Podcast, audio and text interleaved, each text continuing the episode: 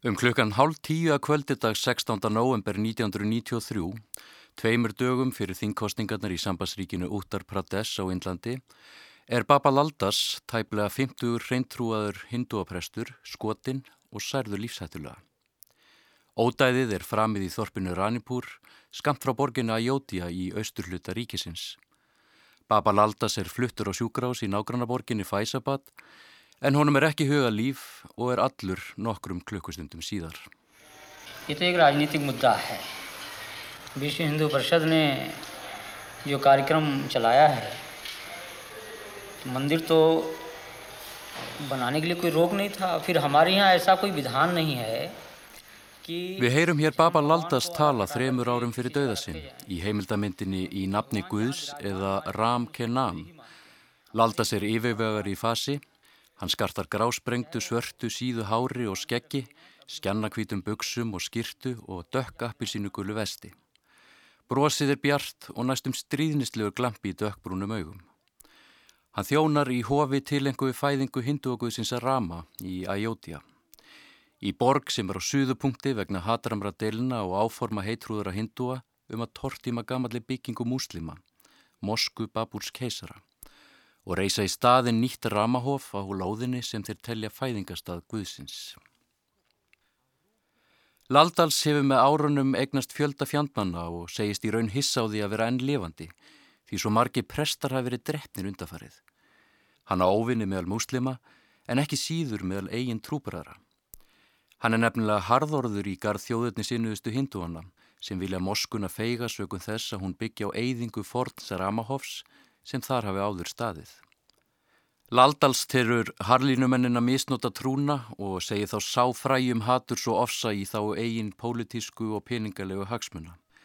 Þeir júfi einingu ólíkra trúarhópa og spilli friðnum. Laldals segir plás fyrir alla og hvetur til samtals, gagfæm skilnings og virðingar. Hann óttast að yfirvofandi séu öldur ofstækis en er vissum að þær muni á endunum læja og að heilbriðri skinnsemi skóli á land á nýjum. Hann er skömmu eftir viðtali settur af sem prestur á fulltrúum indverska þjóðaflokksins sem náð hafa völdum í héræðinu. En mótlætið eblir með honum viljan og baráttinu heldur hann áfram allt til enda.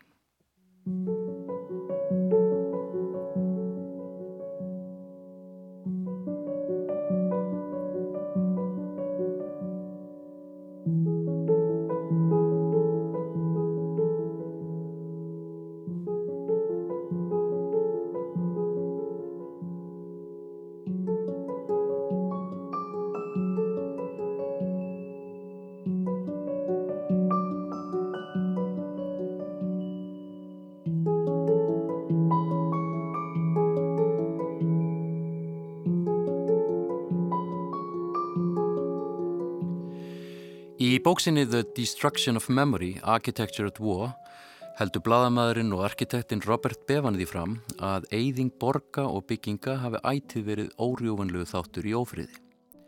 Hann telur þetta að hafa versnað í aldanar ás með auknum eyðingamatti vopna og í dag séu það heimsálur fremur en borgir sem séu undir. Bevan hefur lengi fjallað um efnið og veitt menningamálastofnun saminu þjóðana UNESCO ráðgjöf um verndun heimsminna en starfstofnunarinnar smígur sem rauður þráður í gegnum sameiglega sögu byggingarlistar, vopnara átaka og alþjóðstjórnmála.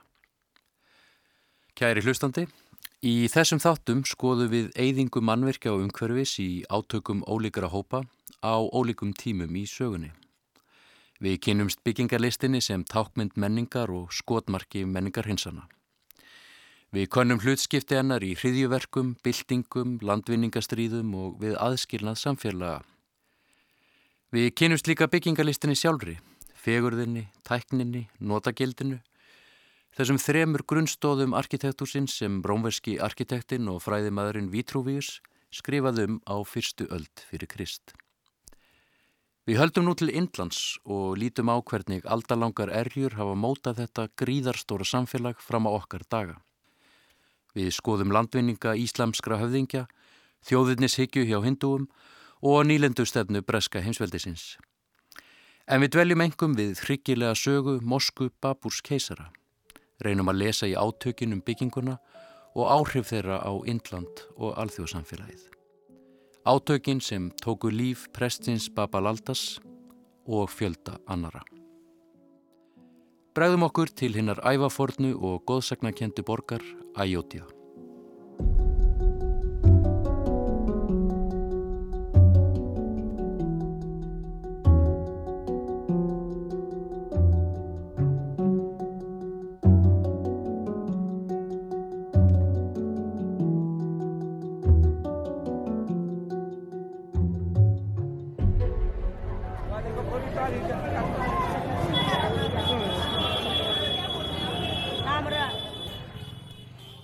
Borgin Æjótía stendur við bakka árinar Sarajú.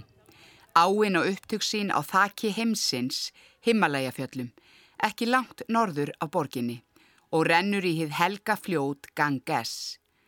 Borgin telur rúmlega hálfa miljón manna og er staðsett í fjölmennasta og pólitíst mikilvægasta ríki Indlands, Uttar Pradesh, Ríki sem næði því að vera það fymta fjölmennasta í heiminum væri það sjálfstætt ríki með tæplega 230 miljón íbúa og 80 sæti af 522 í neðri deild indverska þingsins.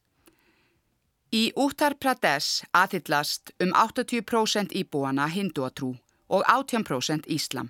Hinn 2% fylgja síkisma, kristni, djænisma, buddhisma eða öðrum trúabröðum og skoðunum. Hindi er helsta tungumál um 95% íbúana en þeir tala einnig fjölda annara svæðisbundina mála. Ríkið er eitt að fátakast á Indlandi og íbúarnir búa þraungt, eða um 940 manns á hverjum ferkilometra lands. Til samanburðar eru þrjár hræður um hvert ferkilometra á Íslandi. Hitastíð er líka ólíkt.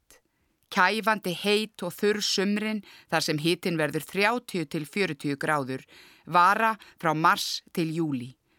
Þá tekur við svalara monsún rigningartímabil sem skila landinu um það bil einu metra af úrkomu fram í oktober. Í februar, að loknu mildum vetri, tekur stutt vorið við með um 16 gráðu meðalhita.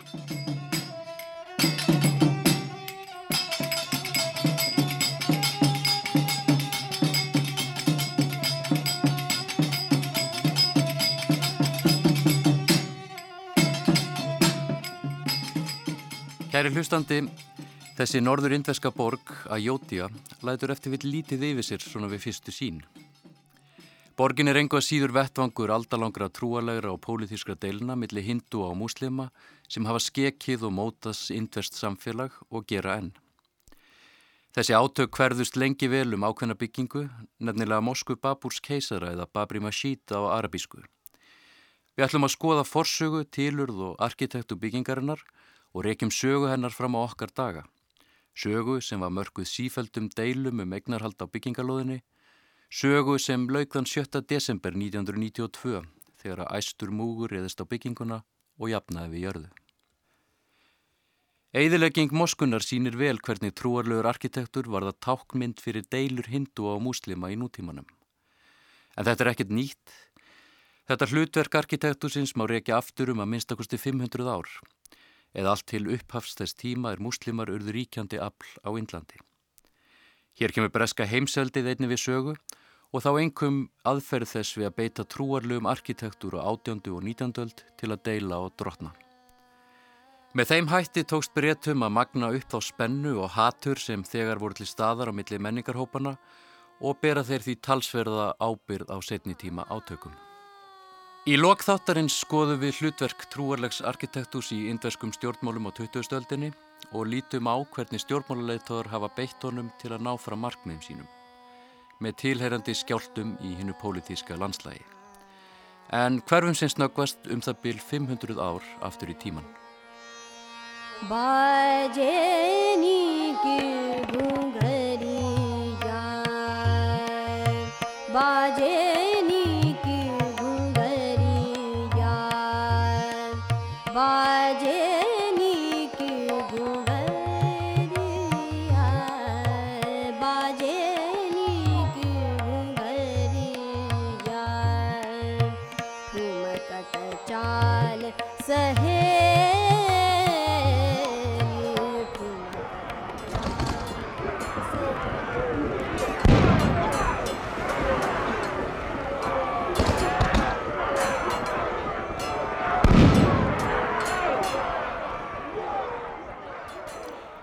Orði mógull þýðir mongóli á persnesku og arabísku og vísa til Tjakatai ættflokksins sem reyði ríkjum á Indlandi um 300 ár. Upphafa ættarveldis mógulana má reykjalli Sigurs Baburs keisara í orustunum Panipat, norðvestur af Delhi árið 1526 en endalokk þess miðast við útlegð keisarans Bahadur Shah annars til Rangoon árið 1858. Í orustunum Panipat draf Babur soldanina Delhi, Íbrahim Lóti og gerðist drottnar í norður Indlands. Hann stækkaði fljótlega ríki sitt og tók yfir héræðið þar sem Moskans átti setna eftir að rýsa. Babur heimsótti borgina Ajótja og skipaði diggan stuðningsmann sinn, hinn mikilmetna aðalsmann Mírbaki Taskandi sem hér ástjóra. Það var svo árið 1528 að talið er að Babur hefði skipað Mírbaki að byggja Babri Masjid, eina fyrstu mosku móguluna á Indlandi.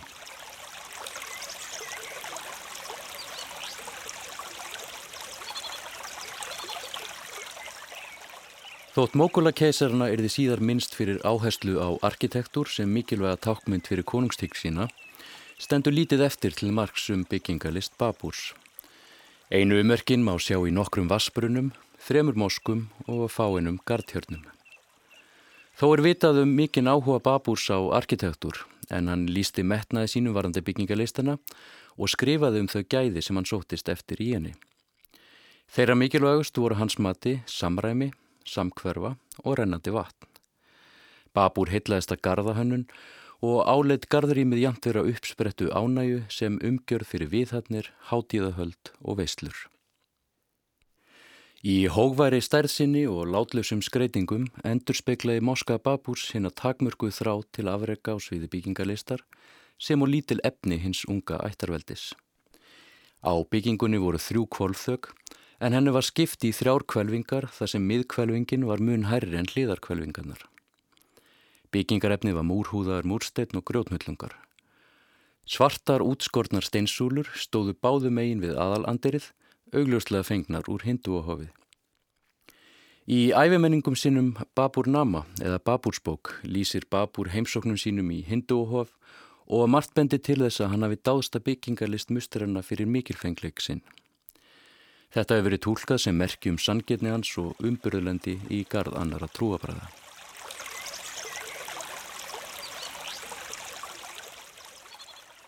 Babúrsbók lýsir óvinnu göfuglindum, fáuðum og hnittnum einvaldi, fyllt um ævintýra anda og með auga fyrir náttúrulegri fegurð. Marta þarna mögulega við röka stiðjast, en gleymum ekki að sjálfsæfisugum fylgir auðvitað svo böggull að þær eru, já, sjálfsæfisugur. Gleimum því ekki heldur að Babúr er sigursæl stríðsherra á öld þar sem að líf hernumdra eru oftar en ekki lítil smetin og eðlimálsins sangkvæmt hefur því talsvert blóð runnið í slóð hans. Arfleiðin er því auðvitað umdilt.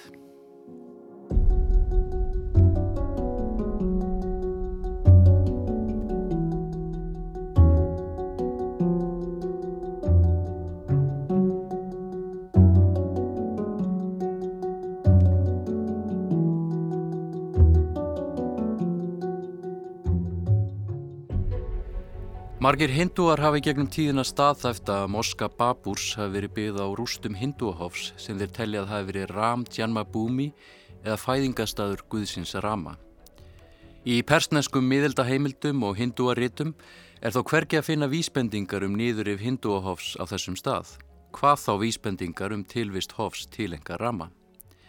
Og það þrátt fyrir að búsetu í Ajótja megi reykja aftur til sjönda aldar fyrir Krist og að öll megin trúabrauð á forn Índlandi hafi álitið staðin mikilvægan.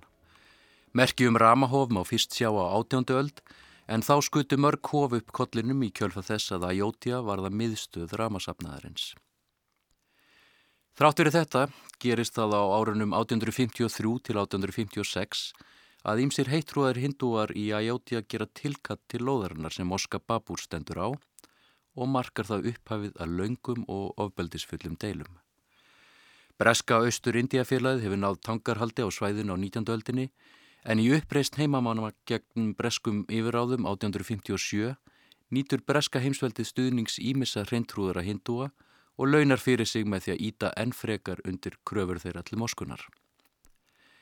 Hindúar gjör nýta sér þennan meðbyr og byggja bænapall eða svo kallan tjabútra inn á lóð moskunar. Þetta verður til þess að breytar vakna til meðvitundar um að ástandi geti farið úr böndunum og endað í blóðbæði. Þeir grípa því til þess ráðs að reysa girðingu umhverju spænahúsið og gera hindúum að færa fórnir fyrir utan moskuna. Múslimar mega enn byggja innandira. Síðustu áratugir 19. aldar einkennast að málsoknum að báða búa. Hindúar beita öllum bröðum til að ná moskunni á sitt vald en múslimar reyna að verjast yfirtöku. Þrátt fyrir vilja breskra yfirvalda til að taka málstað hindúa ríkir lengi alger kirstaða eða allt þar til kvolþökk moskunar eru skemmt í óerðum árið 1934. Í kjölfar sjálfstæðis og klopnings Indlands árið 1947 óttast miljónir múslima um örgi sitt og flýja til Pakistan.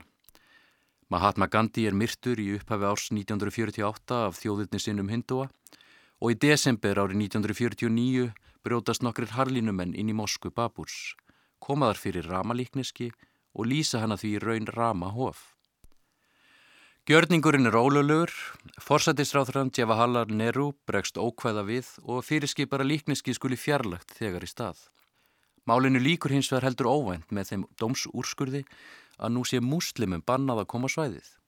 Svo gera megi hindúum kleift að byggjast innandira. Næstu áratugi berjast trúarhópanur um örlög Moskunar fyrir domstólum Indlands. Þráttur að Moskan telist í vörslu Inderska ríkisins allan þennan tíma og lokuð fyrir öllum tilbyðendum, tekst hindúum eiga síður að spilla henni og umkringja með hindúahófum. Dómstólarni draga málaferlin á langin í ára raðir og að búa þannig harlinumönnum ákjósanlegan jarðveg sem þeir nýta til að þjóna sínum pólitiska bóðskap, kynnta óspart undir trúarlegum hita og æsa fólk til stuðnings við sig. Í februar 1986 fellur loks dómur hindúm í vill. Í honum stendur að hliðina moskunni skuli opnuð og með þessum gjörningi veitir domstólinn hindúum í raun full yfirráð yfir moskunni. Úrskurðurinn leiðir til öldu ofbeldis sem flæður um allt landið. Auk þess að dómsúrskurðar sækjast Harlínu hindúar eftir stuðningi leiðtóa kongressflokksins og endar svo máleitan með því að Rajiv Gandhi, fórsetisráðara, lýsir moskuna opna fyrir fylgjendum Rama í mars 1986. I appeal to you, Ram Jyoti will give you all the inspiration needed for the betterment of the life. All what is needed for betterment of life is only Ram. If there is no Ram, there is no survival. Deilan um Mosku Baburs magnast stig af stígi. Haustið 1990 skipulegur indveski þjóðaflokkurinn bílalest, eins konar skrúðkerslu, sem ferðast um 10.000 km veg til Ajótja frá mysturinu Somnath í Gúharadríki á vestuströndinni. Það er Lal Krishna Advani, einn af stopnendum og fórustumönum indveska þjóðaflokksins sem er í fylkingabrústi. Í loftkjaldri Toyota-rútu, vandlega skreittri í anda Bollywood-kvikmynda, til að líkjast einhverju útgáfu af góðsögninu um hestvagn Guðsins Rama. Lestinn á að enda í ólöglegri skóplustungu aðtöfn og marka þar með upphafið að framkvæmdum við nýtt Ramahof. Ögrunin leiði til óróa á ofbeldis víða um land, aðgerið tefjast en áframskal haldið. Með blessun þingsins, ríkistjórnarinnar og fórseta landsins Ramaswamy Venkataram. Tveimur árum síðar hefi harlinuðmennir svo kallar byggingafrangandi sínar. Margir múslimar, hæstiréttur Indlands, fjöldi þingban á Indlandsþingi og fólk á borð við prestin Babal Aldas sem við kynntumst í upphafi þáttar reyna sitt til að koma í veg fyrir hamfæriðnar. En allt kemur fyrir ekki, dagar Mosku Baburs eru taldir.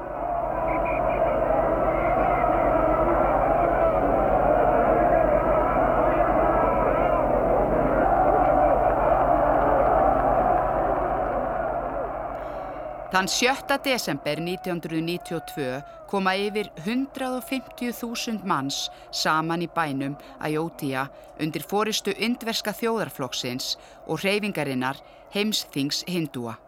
Þeir herskáustu úr fjöldanum brjóta sér fljótt leið í gegnum farartálma lauruglunar og eftir einungis 5 klukkustunda erfiði þar sem notaður eru sleggjur, hakar, meitlar og berar hendur tekst þeim loksins að jafna hinn 464 ára gömlu mosku við jörðu.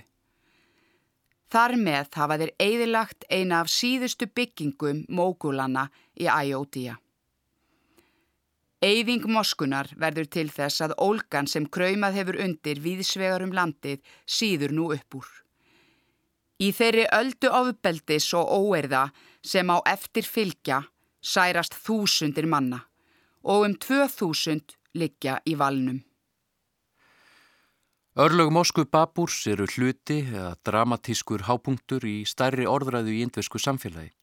Orðræðu sem hefur með afdrifarikum hætti breytti hvaða augum stór hluti hindúa lítur í dag íslumsk minnisverki í indesku landslægi. Orðræðu sem með afgerandi hætti mótar Indland nútímans. Stuttu eftir fallmáskunar skrifa leðtóar indverska þjóðaflokksins stefnusgrá. Í stefnuskráni leggja er til að liti verðu álíka moskur sem augrandi og áþreifanlega minnisvarða um ofbeldisfulla og villimannslega innrás íslamskra stríðsmanna inn í Indland miðalda. Þessi orð er ekki hægt að tólka sem sérviskulegar ásakanir pólitísks jæðarhóps sem lítar megi framhjá. Öðru nær. Þau eru ofinberar og ígrundaðar yfirlýsingar stjórnmálarhefingar sem nýtur fjöldafylgis og fer með mikil völd í gríðastóru og floknu samfélagi. Til þess að dýfka enn gjána á milli trúarhópana hafa harlínumenn úr rauðum þjóðurni sinnaðra hindúa á þennan hátt dreyið upp mynd af Íslam á Índlandi sem fullkomlega umburðarlausir í trú. Trú sem að torti með öllum helgidómum og menningavermætum sem á vegi hennar verði. Það útmálaði er alla múslima sem innrásaræðila og utangarsmenn. Þjóðverðni sinnaðir hindúar hafa haldið fram að alltaf 60.000 hindúahof hafa trúarlegum ástæðum verið eðilögð af múslimum í gegnum tíðana og oft verið skipt út fyrir moskur. Þeir vitna í fjölmörg dæmi máli sínu til stuðnings. Þeir benda jafnvel á ákveðnar moskur sem þeir krefjast að verði jafnar við jörðu í þeirri viðleitni að afmá ævaforn ílverki múslimana. En af hverju upplifa svo margir hindúar á Índlandi nútímans Íslam með þessum hætti?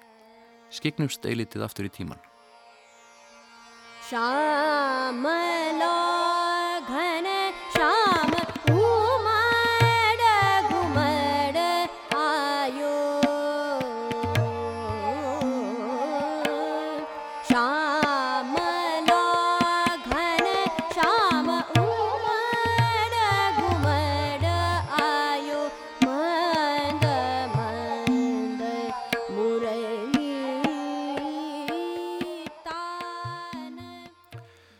Mörg þessara meintu spellvirkja múslima eiga við rauk að styðjast.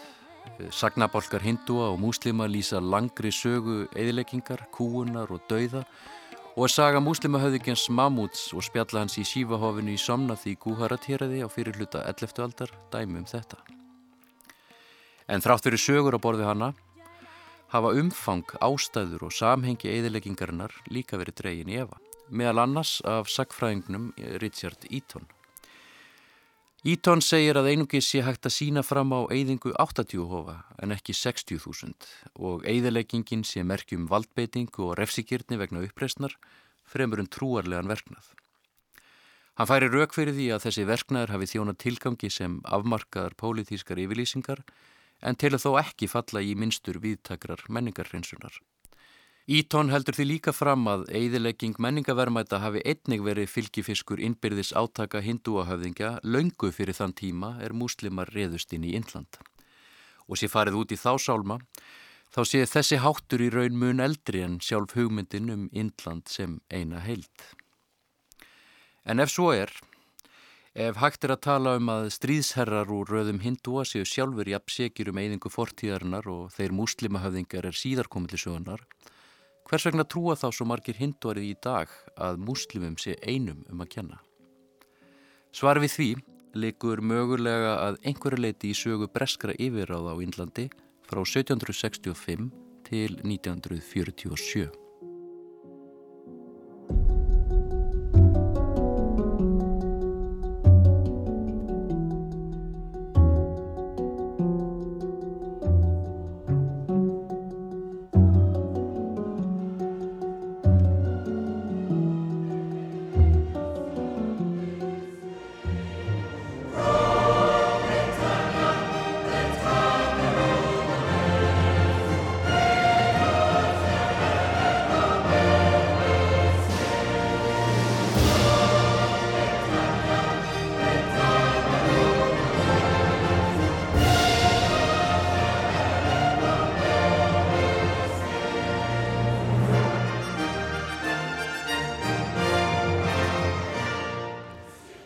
Sporin má rekja aftur til stefnu breska heimsveldisins um að deila og drotna í nýlendum sínum og herða þannig tök sín á viðkomandi svæði.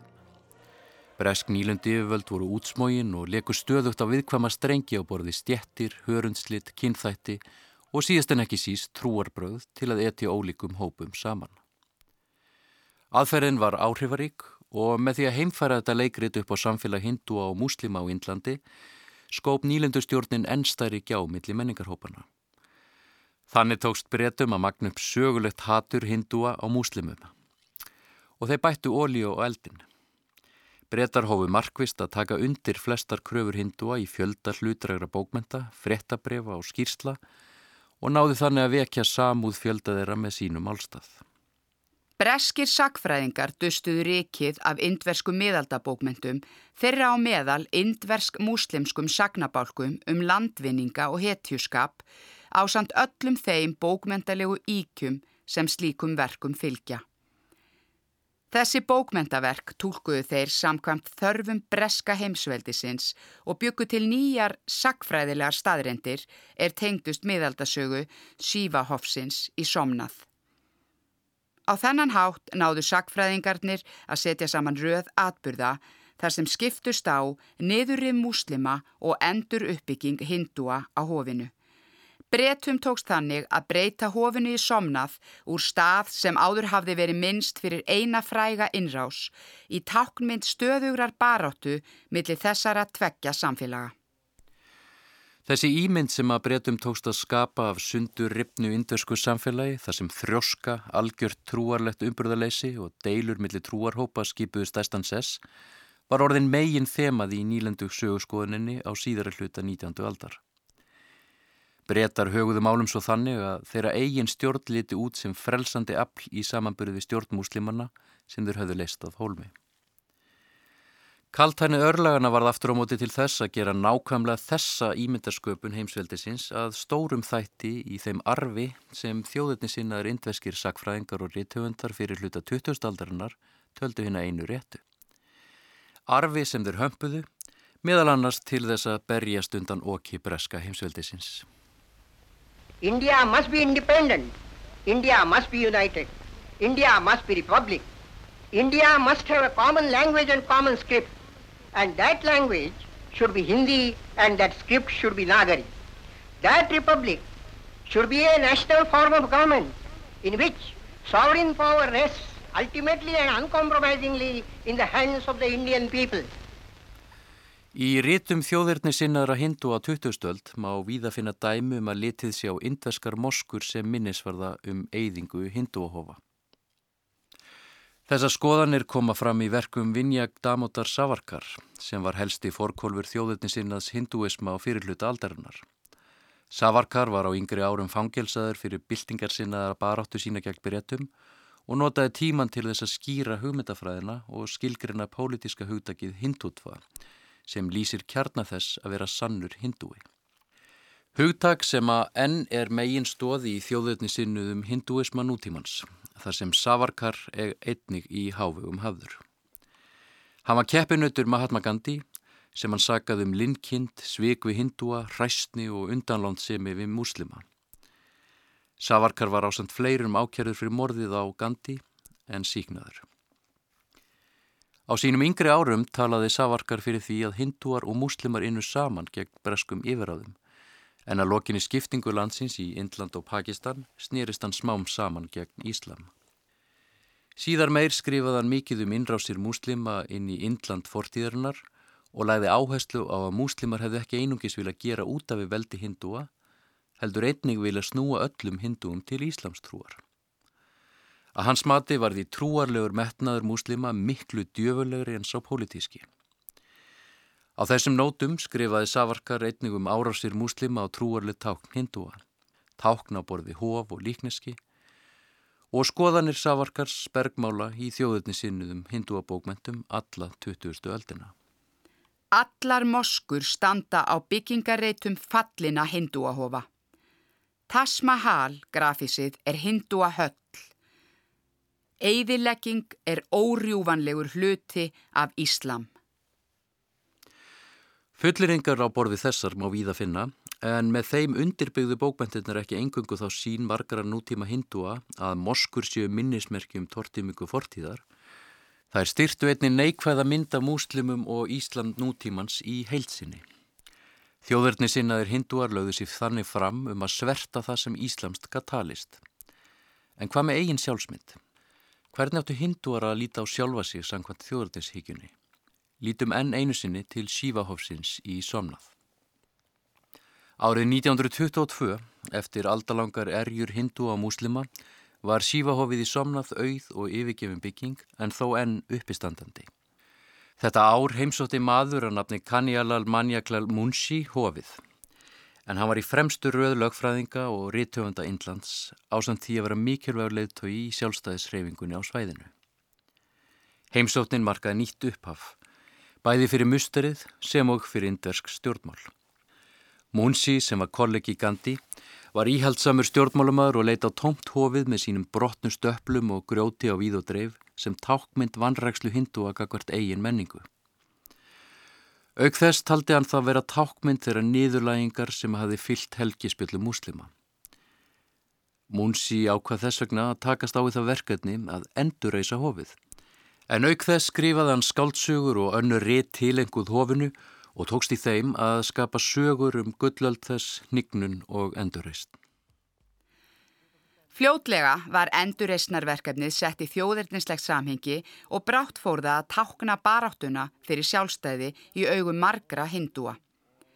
Eftir sjálfstæðisifilýsingu Indlands árið 1947 og skilnaði við Pakistan sem fyldi í kjölfarið Tilkynnti reyfingin sem stóðað baki endurreysn Hofsins umdeilt plön sín um stórbrotið endurreysnastarf. Þetta endurreysnastarf sem fólst í niðurrifi musterisins og byggingu nýs Hofs var harðurlega gaggrínt af fordleifafræðingum en þeir sögðu að vernda eitti bygginguna. Þjóðerni sinnar letu gaggrínina sem vindum eiru þjóta.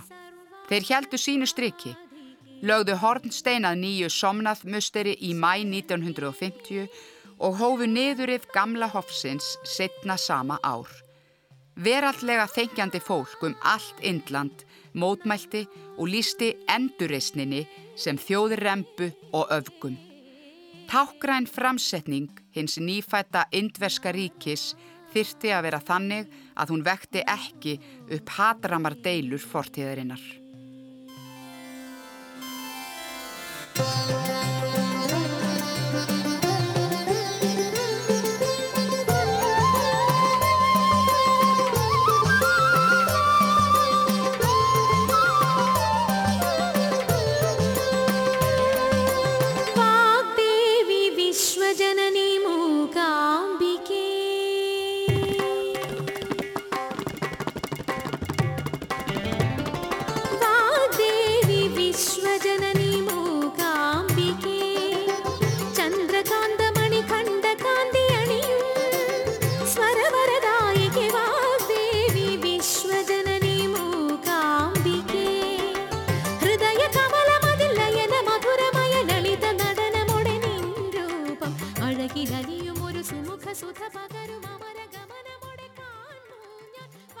Deilutnar náðu hápunti sínum við Víkslu musterisins árið 1951. Múnsi og aðri leðtóðar musterisreifingarinnar vildu virka þáttöku yfirvalda en fórsetisráþarann Djavaharla Nehru neitaði. Hann hafði áhyggjur af því að afskipti ríkistjórnarinnar gengju þvert gegn þeirri sín sem hann hafði um nútímalegt og veraldlegt ríki á Indlandi. Öll slík afskipti getu líka verið miskilinn Erlendis. Múnsi svaraði til að ríkistjórnin hefði verið viðriðin málið frá byrjun og ætti að vera það áfram. Hann bætt um betur og saðist tala fyrir sameinlega undir meðvitund Indlands. Hún var í ánað með verkefnið. Þá laði hann til að endurbygging musterinsins yrði notuð sem samnefnari fyrir mótun þjóðarinnar. Hinn nýja hof í Somnað var í tákmynd nýrar þjóðar. Hofið í Somnað var endurvíkt í mæ 1951 og satt fórseti Indlands Rajendra Prasad í öndvegi við viksluna. Neru mótmælti.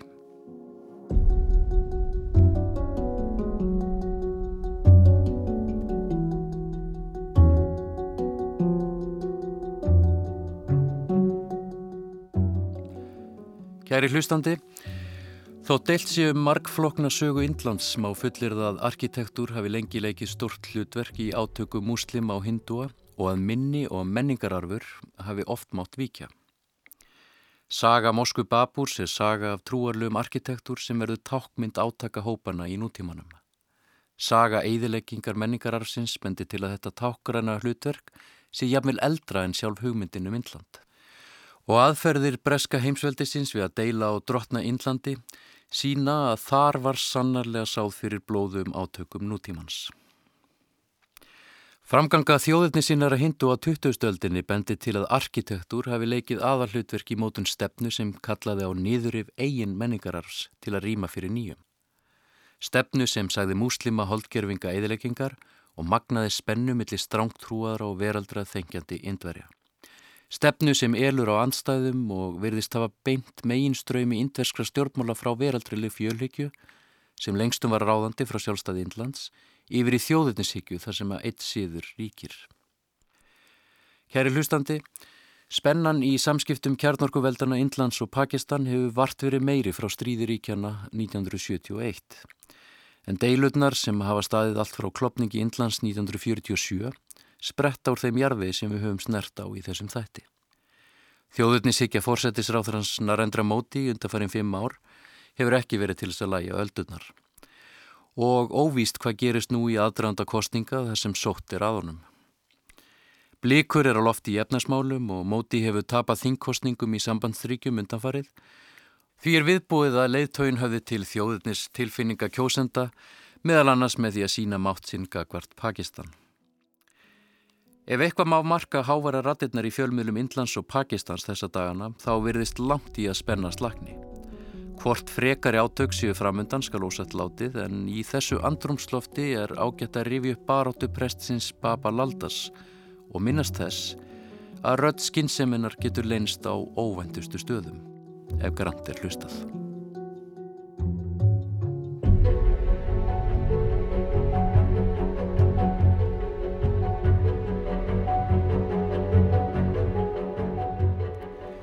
Kæri hlustandi, hinn fallna moska Baburs keisara er eðli málsins sangkvæmt ekki á heimsminjaskrá menningamálastofnuna saminu þjóðana UNESCO. Á skráni eru hins vegar 29 aðra minjar sem ennstanda vitt og breytt um Indland til vittnisum menningararf alls mannkins.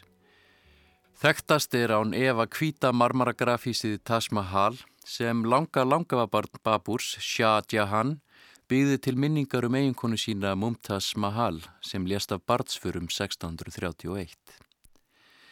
Miða við nýlegar yfirlýsingar ímessa áhrifamanna í indverskum stjórnmálum, meðal annars um að jafna þurfi bygginguna við jörðu til að rétta hlut hindúa, er full ástæða til að hafa áhyggjur af örlögum hennar, sem og annara heimsminja. Í næsta þætti likur leið okkar til borgarinnan Mostar í Bosníu-Herzegovinu. Þar kynist við gömlu steinbrúni, Stari Most, sem tegði sér tígulega á milli bakka árinar Neretvu frá 16. öld og allt til þriðjödagsins 9. november 1993 þegar kroatíski hersöðingin Slobodan Praljak ákvaða sprengja sig inn á spjöld sögunar. Meira um það næst.